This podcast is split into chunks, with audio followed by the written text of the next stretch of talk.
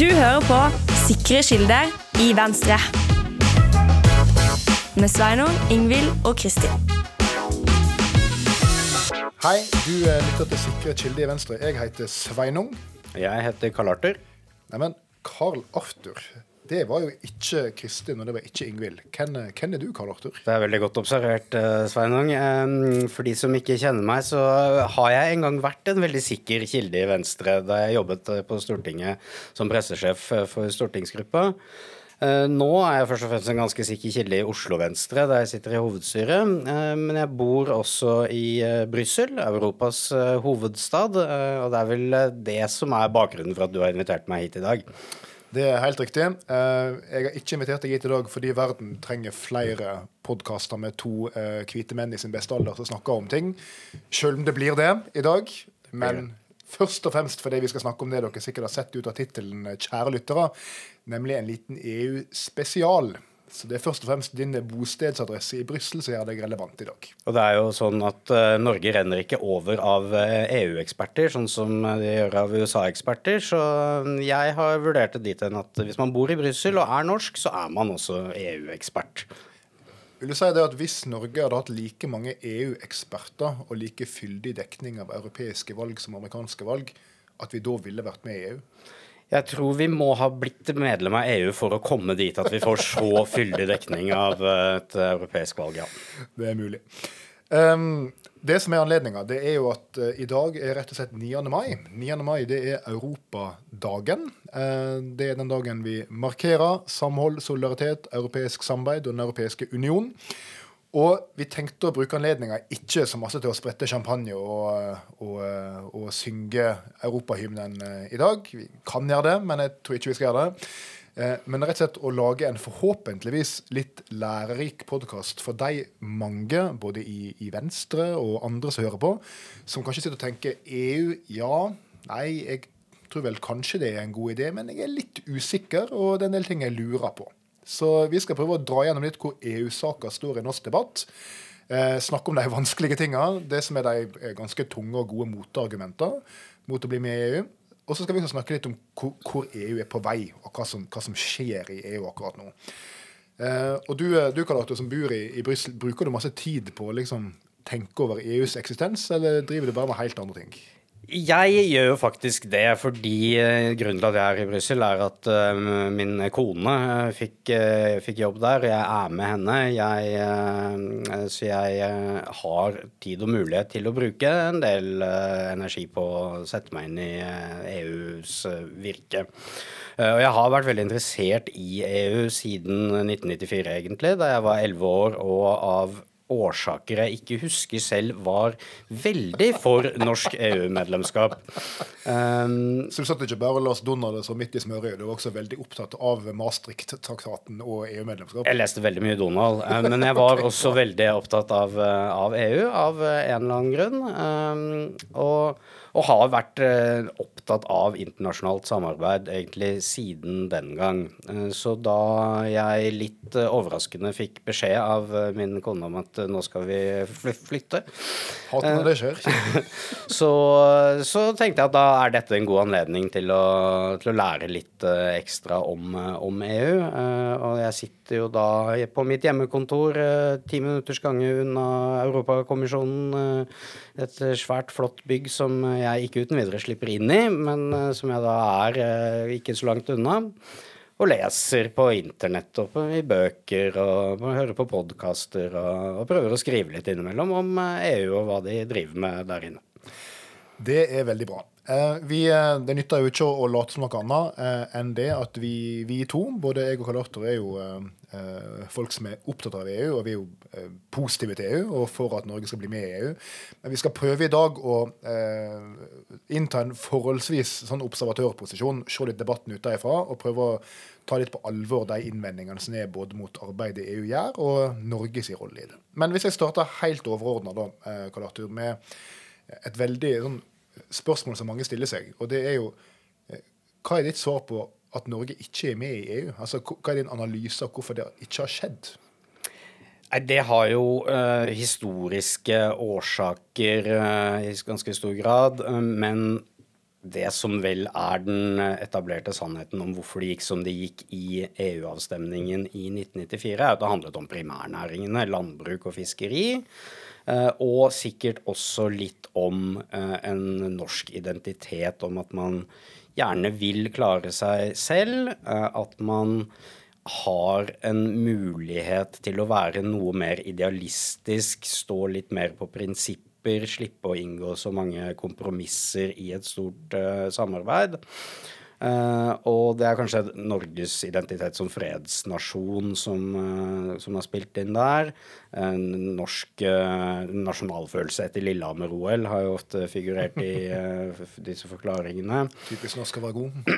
men, men jeg, jeg, tror nok det er det at Én, en del veldig spesifikke næringsinteresser som er og har vært viktige for Norge innen landbruk og, og fiskeri og en følelse av at dette de driver med i Europa, det er litt, uh, litt skittent, litt rotete, litt, uh, litt, under vår verdighet. La oss uh, bli stående på utsiden og, være oss selv fullt og helt, er min teori om det. Tror det er en god analyse, eh, og jeg deler jo eh, den i all hovedsak. Eh, men jeg vil legge til et perspektiv der som jeg sjøl har tenkt litt over. Og det er at når en snakker om hvorfor nordmenn ikke vil være med i EU, og let's be clear, det, det vil de ikke, det viser meningsmålingene og har gjort det lenge, så blir jo det ofte sagt og liksom tegne karikaturtegninger at dette er liksom Ola Nordmann som er seg sjøl nok og tenker at han er bedre enn alle andre, og at Nei, dette her er jo det passer ikke for oss. En litt sånn eh, arrogant type, da. Det er i hvert fall det mange mener. Men eh, min teori er at det er egentlig litt det motsatte som ligger i bunnen. Nærmere bestemt at jeg tror mange nordmenn har en følelse av at vi, vi er veldig små. Eh, og hvis vi ble med i dette store, vi fem millioner innbyggere inn i dette 450 millions innbyggere-prosjektet, så ville ikke vi hatt så masse å si. Og vi ville vært veldig eh, små i det hele, og ingen ville brydd seg om oss.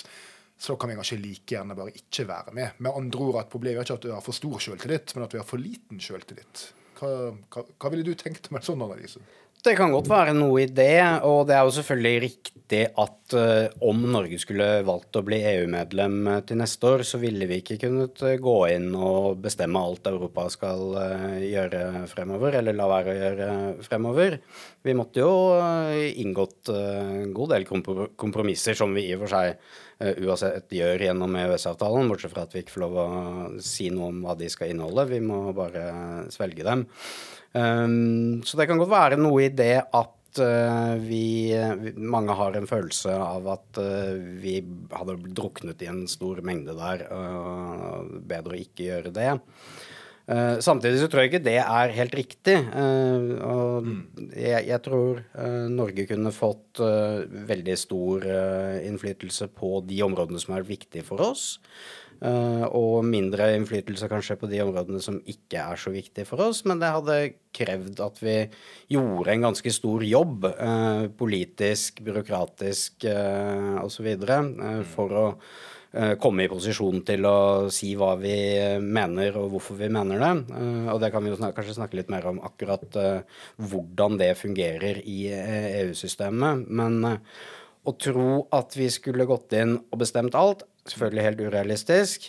Å tro at vi skulle gått inn og blitt overkjørt på alle punkter fra dag én, tror jeg heller ikke er eh, en riktig analyse av hva som ville ha skjedd. Ja, Det er nok en god oppsummering. fordi eh, Vi skal være ærlige nok og si at altså, vi går Norge inn i EU, så kan ikke vi bestemme alt. Det sitter mange land der som har veldig stor makt og innflytelse. Det er klart den gamle Bonn-Paris-aksen, som i dag jo er Berlin-Paris-aksen, er vel fortsatt viktig. Frankrike og Tyskland er store, viktige land. og det du har selvfølgelig Spania og Italia, altså store folkerike nasjoner, som, som jo har mye på kjøttvekta. Samtidig som du sier, eh, det er ikke sånn at du bestemmer ingenting. Og jeg bruker også å minne folk på som jeg treffer, at Norge er jo langt fra det minste landet i dette samarbeidet her. Eh, hvis du ser på økonomi, så ville Norge vært eh, EUs eh, tiende største økonomi, tror jeg. Så vi har et betydelig bruttonasjonalprodukt. Og er selvfølgelig veldig tunge og store på en del enkeltnæringer der vi ville fått ditto innflytelse. Energi, fiskeri.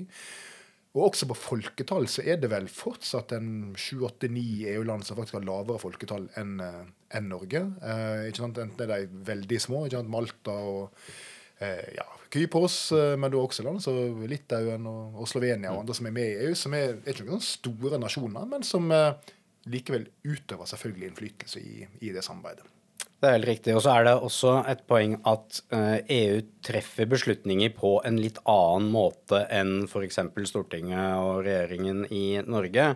Det er en mye større kultur for å jobbe seg sammen, bli enige og så komme ut med en felles posisjon som alle kan stille seg bak.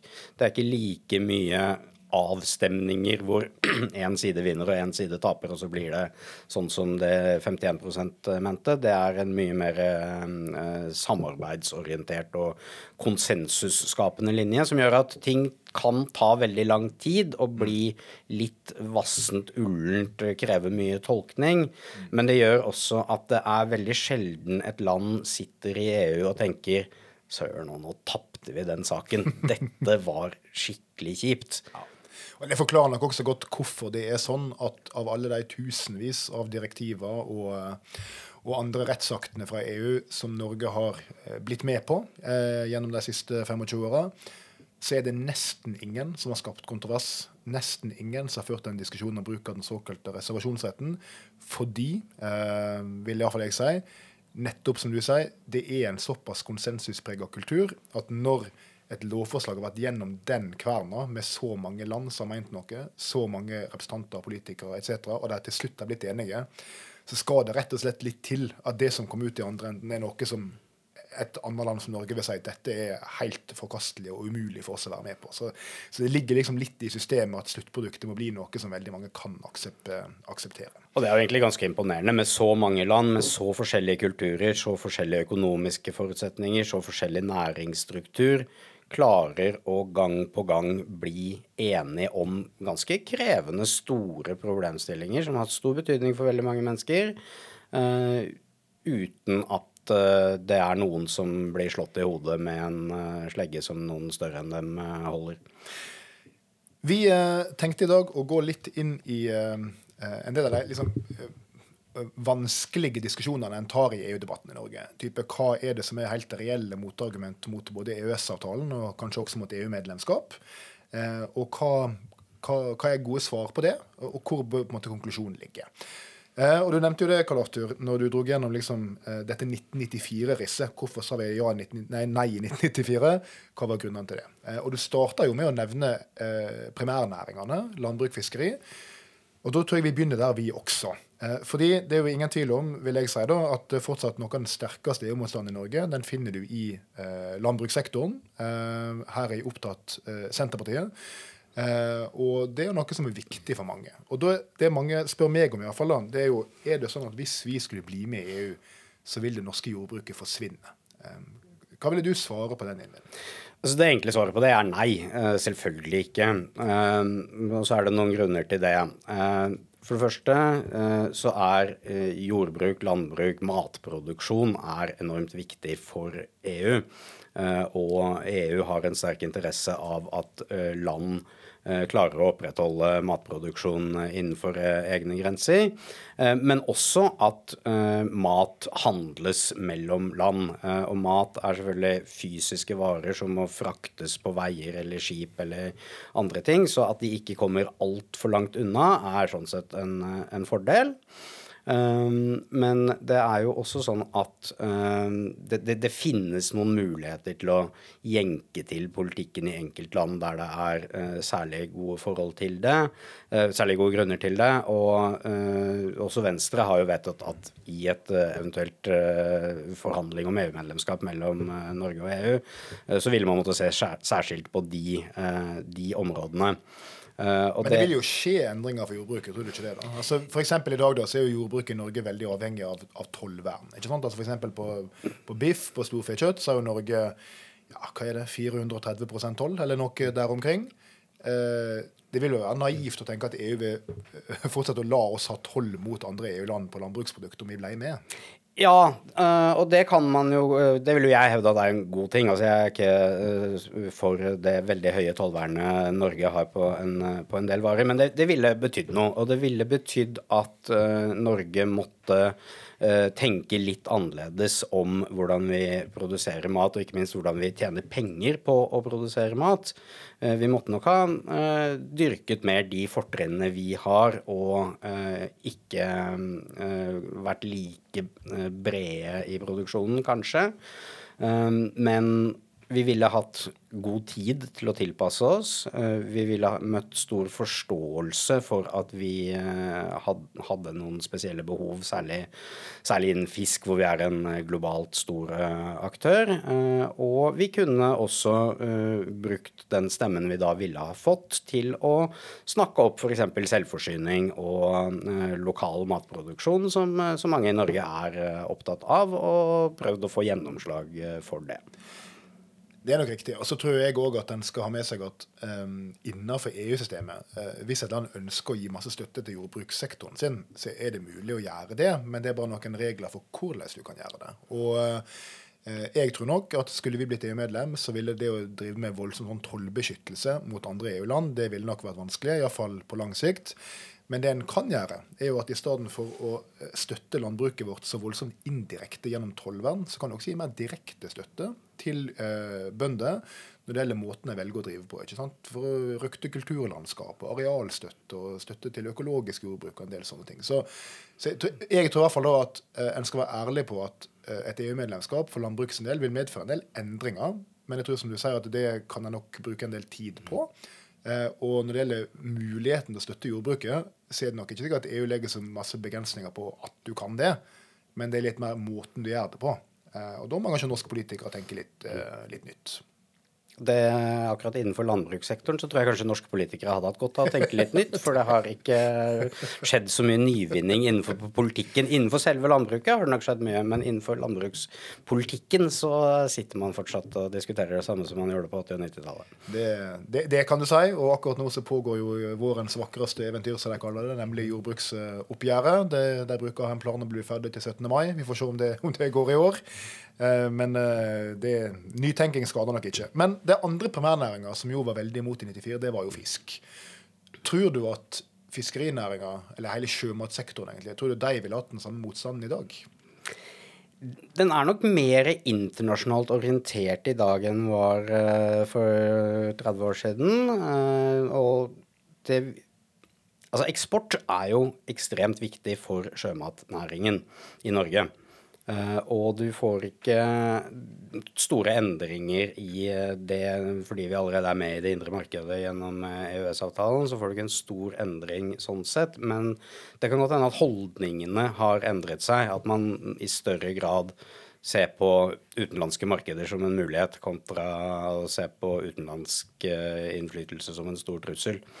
Eh, men det ville jo nok avhenge veldig av hvordan eh, debatten utviklet seg, og hvordan eh, norske politikere valgte å posisjonere seg i en sånn debatt, og hvilke argumenter man brukte. For det er jo sånn at befolkningen lar seg påvirke av hva politikere sier og mener når de gjør seg opp en mening om ulike saker, naturlig nok. Og det, det er vanskelig å vite hvordan andre mennesker ville forholdt seg til, til, noe, men jeg er ganske overbevist om at det ville være positivt også for fiskerinæringen å, å være en del av de politiske diskusjonene i EU, istedenfor å sitte på gangen og vente på at uh, Tyskland og Frankrike skal bli enige om uh, hvordan ting skal være. Ja, så jeg vil jo si at Når det gjelder fiskeri, så uh, er jo det et av få områder der EU faktisk har lært ganske mye eh, av Norge, eller iallfall endra ganske mye etter modell av Norge. fordi eh, etter mitt syn i hvert fall da, så har EU historisk hatt en forholdsvis dårlig fiskeriforvaltning, mens Norge har vært ganske god på bærekraftig fiskeriforvaltning. Eh, og det har endra seg ganske mye. Så EUs fiskeriforvaltningspolitikk i dag vil jeg mene, er forholdsvis bra, i hvert fall bedre enn det den har vært. Og så er det jo som du sier, at fiskerinæringa er veldig ulik landbruksnæringa når det gjelder egentlig det en kaller offensive og defensive handelsinteresser. Fordi eh, landbruksnæringa er først og fremst opptatt av å skjerme seg mot import, skjerme seg mot konkurranse. Mens fiskerinæringa vil jo først og fremst eksportere eh, og møte eh, andre land som vil skjerme seg mot dem. Så Norge sitter jo eh, ganske jevnlig i forhandlinger med EU om landbruksimport og eksport og fiskeriimport og eksport. Der en sier at de to har ingenting med hverandre å gjøre, men det, det er jo bare tull. Fordi man mener det motsatte i de sakene, så har de ingenting med hverandre å gjøre. Så det, det, det vil enhver norsk statsråd si at dette ser vi ikke i sammenheng, men eh, det, det gjør en jo selvfølgelig. Eh, og der slutter Lodde bruker å bli at Norge aksepterer litt høyere eh, importkvote for europeisk landbruksprodukt, og så aksepterer EU litt høyere importkvote for norsk, eh, norsk fisk. Eh, men det som i hvert fall er et betydelig problem i dag, da, det er at veldig mye norsk fisk går rett til eksport til Europa uten å bli foredla i Norge. Iallfall for de som er opptatt av at vi skal ha industriarbeidsplasser i Norge. Eh, og Grunnen til det er i stor grad at vi ikke er medlemmer i EU. Eh, fordi det gjør at norsk fisk, enten det er for havbruksnæringa eller det er villfisk, møter toll, og særlig høye toll hvis det er foredla. Hvis det, er, hvis det er filetert, hvis det har blitt omgjort til fiskeboller eller hva det måtte være. Eh, slik at ganske mye går f.eks. til Polen. Så det, er ganske store anlegg, industrianlegg i Polen som driver og foredler norsk fisk, fordi det er billigere for norske eksportører å gjøre det, i stedet for å gjøre det i Norge. Så Min påstand da vil være at fiskerinæringa i stort vil, vil tjene på at Norge blir med i EU. Men samtidig, jeg kjøper ofte norsk laks i eh, min lokale matvarebutikk i Belgia, så det, man eh, har åpenbart tilgang på de markedene allerede. Eh, og det selges nok en del av det, for det er store hyller med norsk laks. Så, Bare vent til grunnrenteskatten kommer nå, da forsvinner all den norske laksen fra, fra hyllene. Det blir dobbelt så dyr i hvert fall. ja. Helt sikkert. Ok, Nok om primærnæringa. selv om det er viktig, så er det andre ting som er en diskusjon. Et argument uh, som er kritisk til EU som sådan, som jeg må innrømme at et argument jeg har veldig stor forståelse for, det er det følgende. Hvis du skal ha et demokrati, så må du ha en felles demokratisk samtale. Um, i Norge, Norge er jo en nasjon med et demokrati, og selv om ikke alle ser Dagsrevyen samtidig lenger, så har vi likevel en, en felles offentlig debatt i Norge i stor grad. Slik du har i de fleste nasjonalstater. Men i EU så er det jo vanskelig å hevde at du har en stor felles europeisk uh, samtale, og at uh, velgere i Italia og i uh, Polen diskuterer de samme nyhetssakene og deltar i den samme debatten som velgere i Norge. Og da vil jo mange mene at fordi det er sånn, så kan aldri et europeisk demokrati fungere godt. Um, har, du, har du forståelse for den kritikken, eller tenker du at det er mer nyansert? Ja, jeg har forståelse for det. Og, og, EU har noen sånne grunnleggende demokratiske uh, utfordringer som eh, de for så vidt prøver å gjøre noe med, men det er F.eks. lav valgdeltakelse i Europaparlamentsvalget. Ja, det var det jeg skulle si. At det er uh, mye lavere enn i et norsk fylkestingvalg, mye lavere enn de fleste land til nasjonalforsamlinger, og, og det er sikkert mange grunner til det. Eh, men samtidig så er europaparlamentsvalget er det nest største demokratiske valget i verden. altså Målt etter antall stemmeberettigede. Det er bare India som er eh, større. Det er større enn USA. Eh, og Europaparlamentet har blitt en viktigere, mektigere aktør som har jobbet ganske aktivt med å utvide sin egen rolle og myndighet over flere tiår. Eh, nettopp for å styrke den demokratiske legitimiteten i at det er et folkevalgt organ som tar beslutninger. Eh, så har ikke det uten videre ført til at eh, de nasjonale mediene, verken i Norge eller så mange andre land, dekker EU-politikken som sådan veldig tett. Men jeg syns jo det er en tendens de siste fem-ti årene, og særlig etter at Russland angrep Ukraina, til at en del debatter får et mer europeisk perspektiv. Mm. Så tror jeg nok alltid at uh, nasjonale medier, og kanskje også uh, borgere av nasjonalstater, vil være mer opptatt av hvem skal være statsminister her, hvordan skal vi regulere skattespørsmål i vårt land, uh, sånne ting. Um, men jeg, jeg, ser noen tendenser til at i hvert fall i noen kretser eh, diskuteres mer hvilken rolle spiller Europa i verden. Hvordan kan Europa bidra til å balansere en begynnende konflikt mellom USA og Kina? Eh, hvordan kan eh, Europa fremstå som en, eh, en aktør med både tyngde og idealer eh, når det gjelder menneskerettigheter, demokrati, sånne ting? Um, men det er ikke veldig tabloide diskusjoner som får stor oppmerksomhet i, uh, i nasjonal uh, presse. Det er mer spesialpublikasjoner og en, en, liten håndfull med medier som er spesialisert på EU-dekning. Men jeg tror at den type spørsmål som er store eh, verdi- og ideologisk type spørsmål på en global eh, arena vil bli viktigere de neste mm. fem årene, ti årene. Eh, fordi verden utvikler seg sånn. Eh, og da kan det godt også bidra til å lage den europeiske samtalen om hvordan, hvordan, vil vi i Europa at verden utvikler seg nå? Vil vi se på at andre krangler seg imellom og prøver å hevde seg på, som stormakter? Eller vil vi være med og være en stormakt selv og, og faktisk påvirke verdenshistorien? I alle fall så er jo det du nevner om Ukraina, eh, tror jeg et godt eksempel på at du faktisk har en ganske sånn felles europeisk diskusjon. og en ser til felles mot mm. Brussel, eh, i og for seg både mot EU og, Nato, som begge jo eh, har base i Brussel, og, og, handler felles i veldig stor grad. Eh, og du så også store felles europeiske debatter rundt, rundt pandemien, rundt klimasatsingene til EU, rundt flyktningkrisa i 2015 ikke minst, som jo ble håndtert felles fra EUs side. Men det tar meg over til et annet spørsmål da, som jo mange i Venstre er opptatt av. Eh, og det er flyktningpolitikk. Eh, for det jeg har merka meg, jo at en av liksom kritikkene mot EU nå for tida, da, fra eh, type SV og Nei til EU og en del av de som jobber hardt mot EU, er at de sier at liksom, Europa bygger en festning eh, rundt seg eh, og fører en, en inhuman flyktningpolitikk eh, og er lite solidariske. og mange i Venstre er opptatt av at vi skal føre en solidarisk flyktningpolitikk. Hva, hva ville du tenkt om det? For det første så er jeg enig i at EU eh, e fører en ganske streng eh, flyktningpolitikk. Eh, nesten like streng som Norge vanligvis gjør. Men samtidig så mener jeg én det at man er en, uenig i konkrete uh, policyutvikling i EU, er ikke nødvendigvis et argument for å være mot norsk medlemskap i EU. Det kan like gjerne være et argument for at her bør vi gå inn og påvirke i en retning vi syns er bedre. Uh, men det, det viktige akkurat dette spørsmålet mener jeg at flyktningpolitikken har blitt eh, fått en karakter som gjør at den nødvendigvis må håndteres europeisk.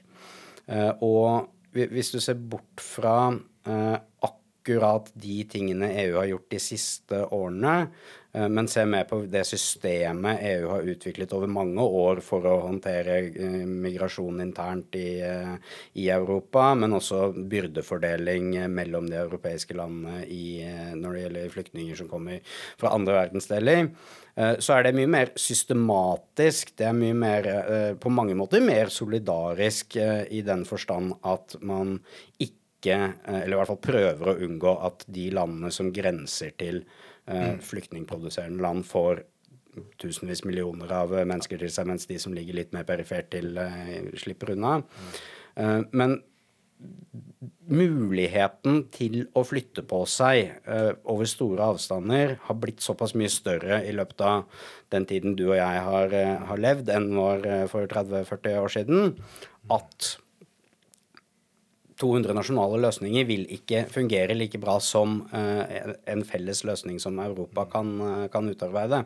Altså Sagt på en annen måte, altså den veldig veldig liberale innvandringspolitikken internt i EU Det er jo fri innvandring internt i EU, det er jo en av de frie, fire frihetene. Nødvendiggjør jo på et eller annet vis at du har en felles politikk for de som skal komme inn i dette systemet, mm. uh, på, på, godt og vondt. Altså Hvis det ikke var hvis det ikke var fri innvandring mellom Spania og Frankrike, Eh, så hadde jo ikke vært noe behov for noen felles flyktningpolitikk heller, for da hadde det vel bare vært en mur mellom Spania og Frankrike. Men det er det jo ikke, heldigvis. Eh, men da men, men, så er jo realiteten at det er klart det er mange på EU-nivå som ønsker en streng innvandringspolitikk, på samme måte som det er mange i Norge som ønsker en streng innvandringspolitikk. Og altså, Alle landene i Europa har uh, ulike politiske partier som, uh, som, diskuterer dette hver eneste dag, og Europaparlamentet har ulike partigrupper som har ulike meninger om dette, akkurat som, uh, som i Norge. og det er en levende politisk debatt der noen uh, mener det ene, noen mener det andre, og så blir man uh, enten enig, eller så fortsetter man å være uenig. Uh, og jeg er jo en sånn type som innerst inne drømmer om et grenseløst samfunn og fri migrasjon over hele verden og sånn. Jeg skjønner jo intellektuelt at det ikke ville fungert om noen bestemte at sånn skulle det være fra i morgen av. men jeg vet ikke om noen eksempler på eh, geografiske områder som har, eh, har lykkes bedre med å både være forsøksvis solidarisk med mennesker i nød og beholde en uh, stor grad av kontroll på grenser og sånt enn det EU har, uh, har klart. Og så kan man være uenig i både nivået på hvor mange man slipper inn, og ikke minst hvordan man uh, håndterer de som man ikke slipper inn. Og der mener jeg at EU har en god del å gå på, altså. akkurat sånn som Norge har. Um, men at det bør håndteres på et sånt nivå, det, det mener jeg ganske sterkt at det er riktig. Over til noe helt annet. Du bor i Brussel. I Brussel, i likhet med de fleste byer i dette, den verdensdelen vår, så bruker de myntenheten euro. Euroen ligger for tida på uh, ja, ca. Uh, nærmere tolv kroner. Skulle du ønske at du slapp å veksle om kronene dine til euro? Jeg skulle ønske at jeg vekslet alle kronene mine inn i euro for et år siden. Det hadde vært noe Nei um... Det jeg egentlig spør om, er selvfølgelig det som også er en veldig viktig debatt i EU-debatten. Burde Norge bruke myntenheten euro? Som vel strengt tatt ligger det vel i EU-traktatene at er du EU-medlem, så skal du bruke euro. Ja, det finnes noen unntak. Eh, Sverige og Danmark har vel fått et unntak der, og det kunne jo fort Norge også fått. Ja, jeg tror det er riktig. Jeg ser ikke på det som et veldig viktig spørsmål i den norske EU-debatten. Eh, en stor felles valuta har en god del fordeler. Eh, først og fremst for handel mellom land og mennesker som beveger seg mellom land, enten det er for å jobbe og bo eller som turister. Men det er klart norsk økonomi er på mange måter unik pga. vår uh, inntektskilde som vi fant uh, ute i Nordsjøen. Og det er noen fordeler med å ha en liten økonomi og kunne sette egen rente og uh, gjøre en del tilpasninger som er uh, lokale også. Uh, så for meg er det ikke ho å komme inn i eurosystemet er ikke en viktig begrunnelse for meg til hvorfor jeg er for norsk EU-medlemskap, men jeg tror vi hadde klart oss veldig fint med det også. Eh, men det ville nok eh, Det ville jo gjort noe med renta. Så er det umulig å si hva det ville gjort med renta i den fremtiden hvor dette skjer. Men nå har vi jo endelig et godt folkelig argument for, eh, for EU-medlemskap. da, så Nå tenker jeg, nå kan vi sette opp boards og plakater over hele Norge og hele byen. Der det, står, der det er bilde av noen som sitter på stranda i Spania med en øl og ser utover havet og så kan du se regninga i norske kroner, og så kan det stå 'Vil du ha billigere sydenferie? Stem ja til EU'. Ja, det pleide å være billigere å dra på europaferie, men eh, det er jeg ikke sikker på om det er nå om dagen. Det er nok ikke det. Nei, men jeg tror essensen må være, som du sier, at uh, hvis Det går an å se de to spørsmålene her separat fra hverandre. Det går an å være med i EU uten å bruke euro. Det er det flere land som, som gjør. Skal det sies faktisk at et land som Danmark, selv om de bruker danske kroner, har valgt å binde kursen på krona si til eurokursen. Mm. Det er det eneste landet som har valgt å gjøre det, faktisk. Men det er jo også en mulighet, så det går an å gjøre begge deler. Eh, mens et land som Sverige har jo ei, ei svensk krone som på samme måte som vi har en norsk krone, og den, den, flyter fritt. Eh, og det har jo eh, tradisjonelt blitt ansett som en fordel for Norge. Som er for seg litt interessant i seg sjøl. For det er klart det at krona flyter fritt og kan svekke seg i, i krevende økonomiske tider, blir liksom ansett som en stor fordel, for da blir det billigere å, å drive industribedrift i Norge og eksportere og sånt. Men det er klart prislappen på det er jo at uh, vanlige folk, som det heter, får jo mindre igjen for lønningene sine enn de vanligvis ville fått, fordi vi importerer mm. nesten alle varer til dette landet. Så det er egentlig så er jo det at krona svekker seg, en måte å gi folk et lønnskutt på, uh, uten å gjøre det formelt. Så det der har alltid fascinert meg litt. Mens akkurat nå uh, ser vi liksom det motsatte, og det er at krona kan få store problem mot andre valutaer, som gjør at det rett og slett blir, eh, blir, veldig veldig, veldig krevende for oss. Eh, og dyrt å dra på ferie og osv. Så, videre, og så, videre. så dette her er ja. Vi skal ikke gå dypere inn i valutapolitikken, men jeg tror for EU-debatten så er det viktigste at dette kan du rett og slett ta en separat vurdering på om det er lurt eller, eller ikke. Ok, Vi skal løfte blikket litt. Um, hvor er EU på vei? Um, fordi Hovedproblemet da med norsk EU-debatt jeg mener, er at en fortsatt tenker på det som 1994. Uh, mens EU har endra seg enormt de siste eh, 30 åra.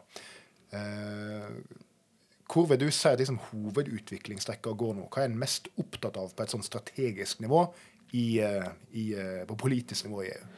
Jeg tror man er mest opptatt av den stormaktsrivaliseringen som på en måte har kommet tilbake i, som et historisk fenomen eh, etter eh, nærmest en generasjon med USA som nokså enerådende som global stormakt. Så ser man nå et mye mer uoversiktlig bilde, eh, der Russland selvfølgelig er en meget negativ bidragsyter, men ikke har den samme makten eh, og størrelsen og uh, innflytelsen som de hadde da de var uh, Sovjetunionen.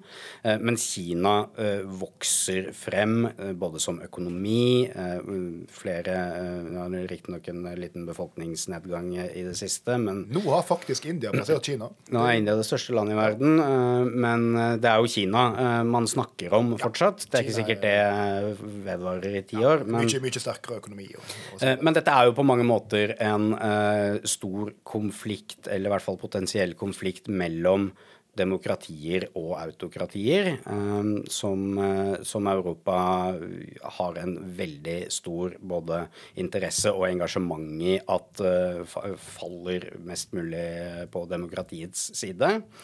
Eh, og det handler nå eh, ikke bare om å gå foran som et godt eksempel, sånn som det gjerne har gjort, men det handler om å stille noe makt bak de kravene.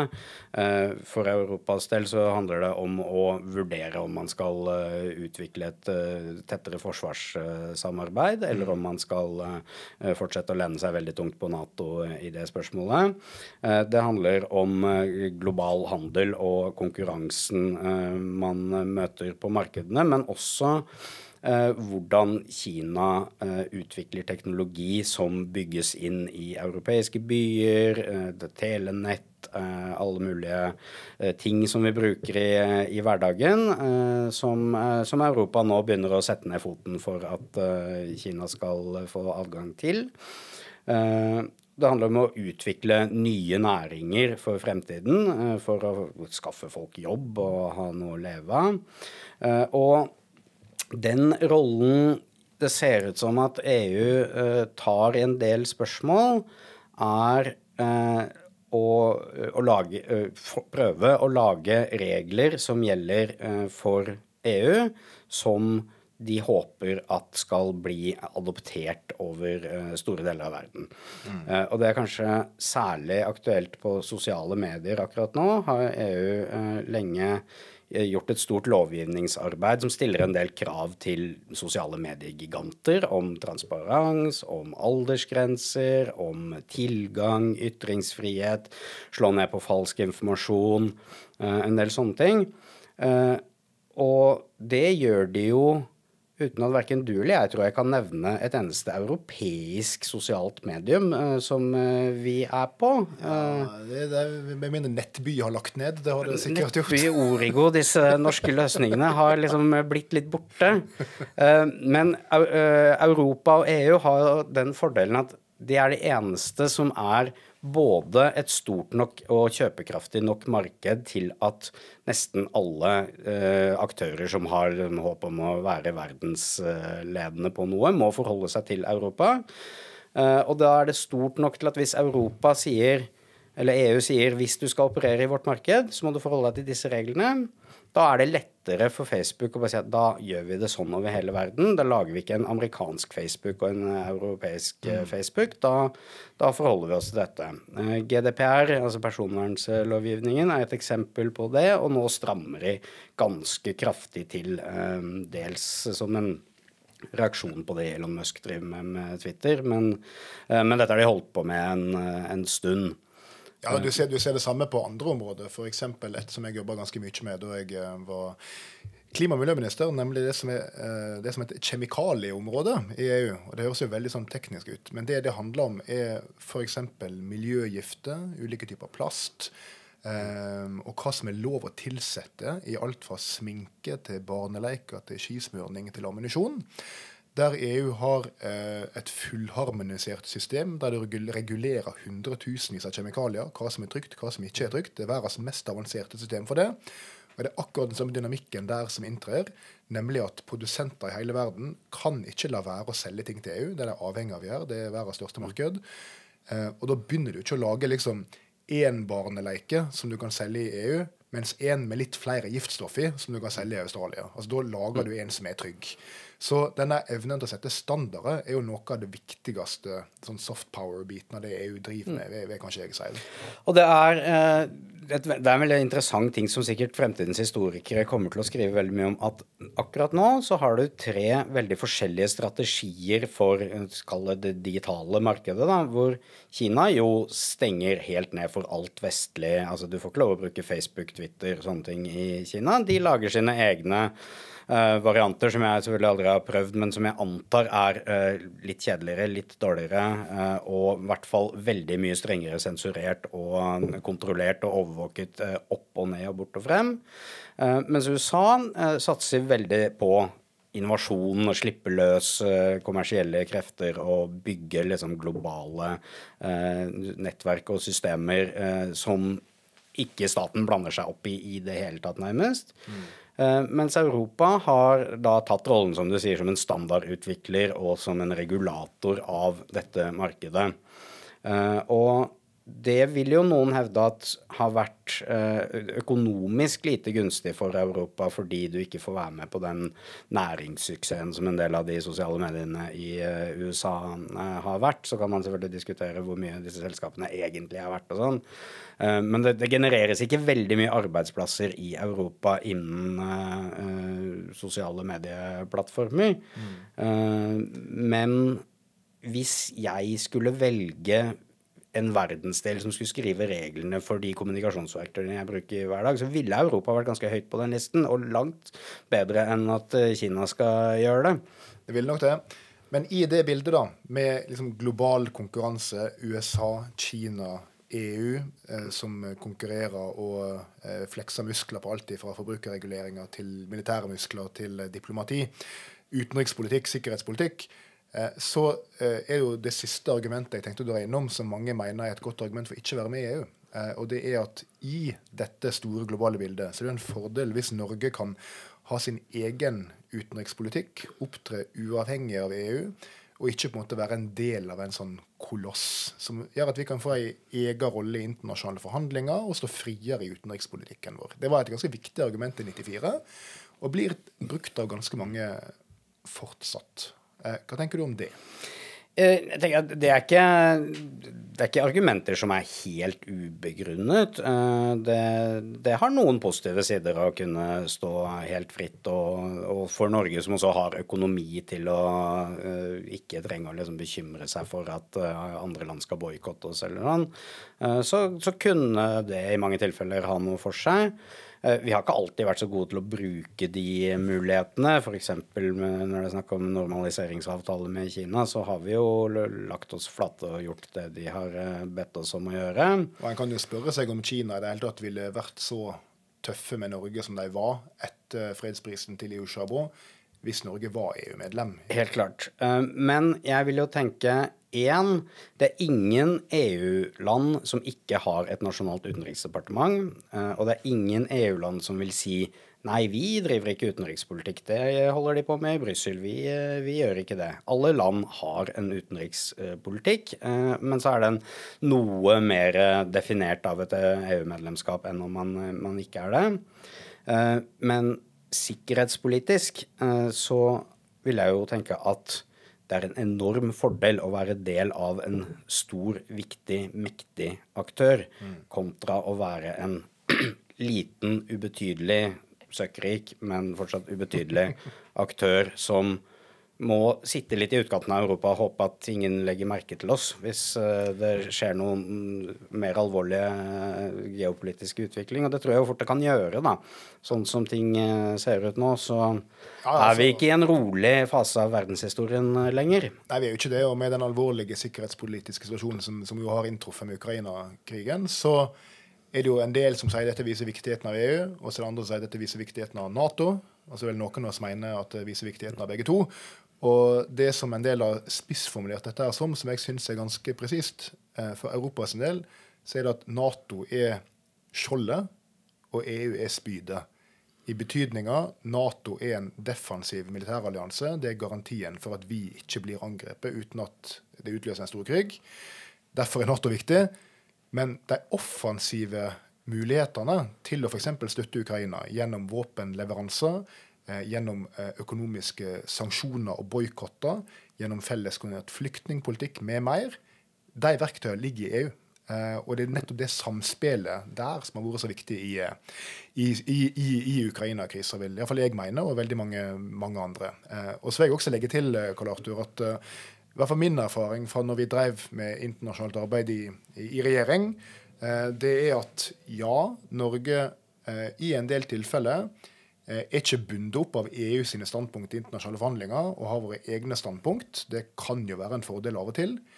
Men det vi brukte aller mest tid på i veldig mange prosesser, det var å få EU til å bli enige med oss, slik at vi kan ha litt muskler inn i disse forhandlingene. Og det fikk vi jo stort sett. Så jeg husker f.eks. når vi jobba med eh, denne store traktaten som nå er på gang mot, eh, mot forsøpling av havene våre og plastforsøpling. Det er et viktig arbeid som pågår nå. Nærmer seg forhåpentligvis en konklusjon. Norge var tidlig ute og tok viktige initiativ. Eh, men vi jubla virkelig når vi fikk EU til å gå hardt inn i dette her og bli enige med oss, for da fikk du flytta flere land. Så det er veldig sånn begge sider til den saka, tror jeg. Men fordelen med EU er at vi er helt enige i veldig mye av disse interessene, og da er det ofte bedre å, å stå sammen.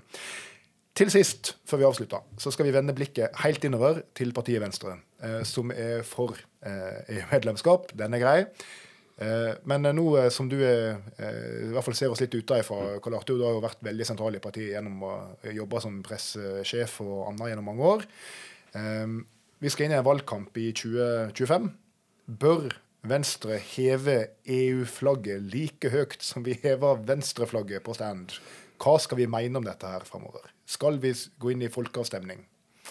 Jeg er veldig glad for at eh, Venstre nå har gått klart inn for EU-medlemskap. Eh, e ehm, så skal vi nok ikke bytte ut alt Venstre-materiale med EU-materiale, for vi vil fortsatt ha noen stemmer til Venstre. Ja, sorry, unge Venstre. Det blir fortsatt litt Venstre-materiale. Eh, men nei, om vi skal gå inn for folkeavstemning i stortingsvalget i 2025, er jo et veldig vanskelig spørsmål, og særlig å svare på to år i forkant, fordi det kan skje veldig mye før det.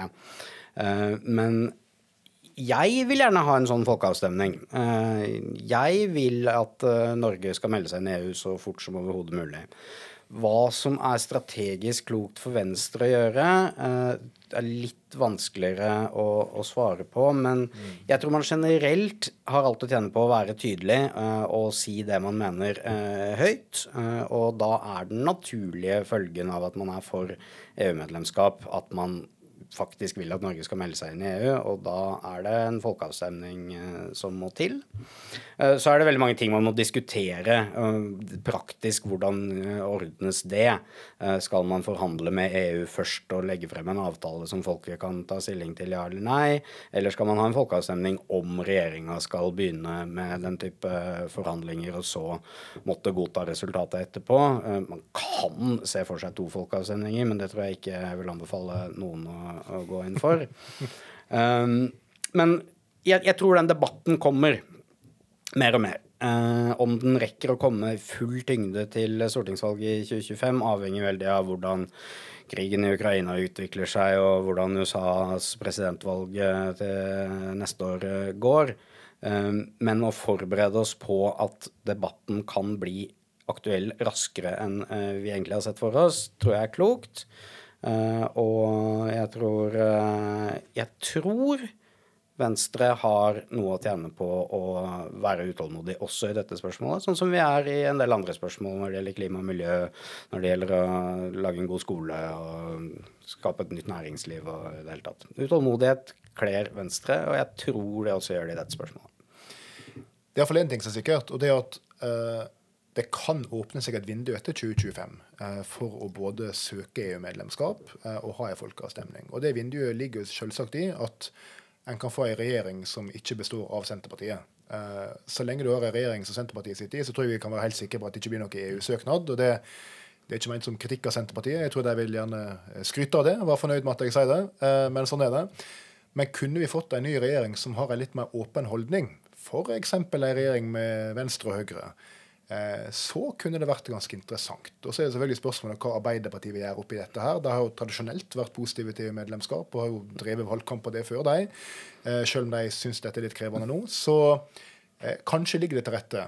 Så tror jeg ingen av oss som er for eh, mener at vi skal gå inn uten at folk er for. Jeg tror det er ingen som mener at vi skal gjøre det uten en folkeavstemning. Og jeg tror det er ingen som har tenkt å lyse ut en folkeavstemning uten å tro at vi kan vinne den. Så det, det må jo ligge der, da. Men eh, vi må i hvert fall snakke om det for at eh, opinionen skal endre seg litt. Det siste er jeg helt enig i. Altså, hvis vi tror at en folkeavstemning hadde blitt eh, nei, så er det bedre å vente til vi er eh, forholdsvis eh, sikre på at eh, det blir eh, ja. For det blir det nei en gang til, så må vi jo vente 30-40-50 år før neste sjanse. Og det er vi åpenbart ikke tjent med. Nei, det må vi unngå. Um, OK. Eh, Karl Arthur, uh, gratulerer med Europadagen. I like måte. Og eh, takk for at du ville komme, og forhåpentligvis gjøre lytterne litt klokere. Det ble iallfall jeg. Så får dere der ute feire med måte, og komme dere tilbake på jobb etter hvert. Men enn så lenge, du har hørt på Sikre kilder i Venstre. Takk for oss.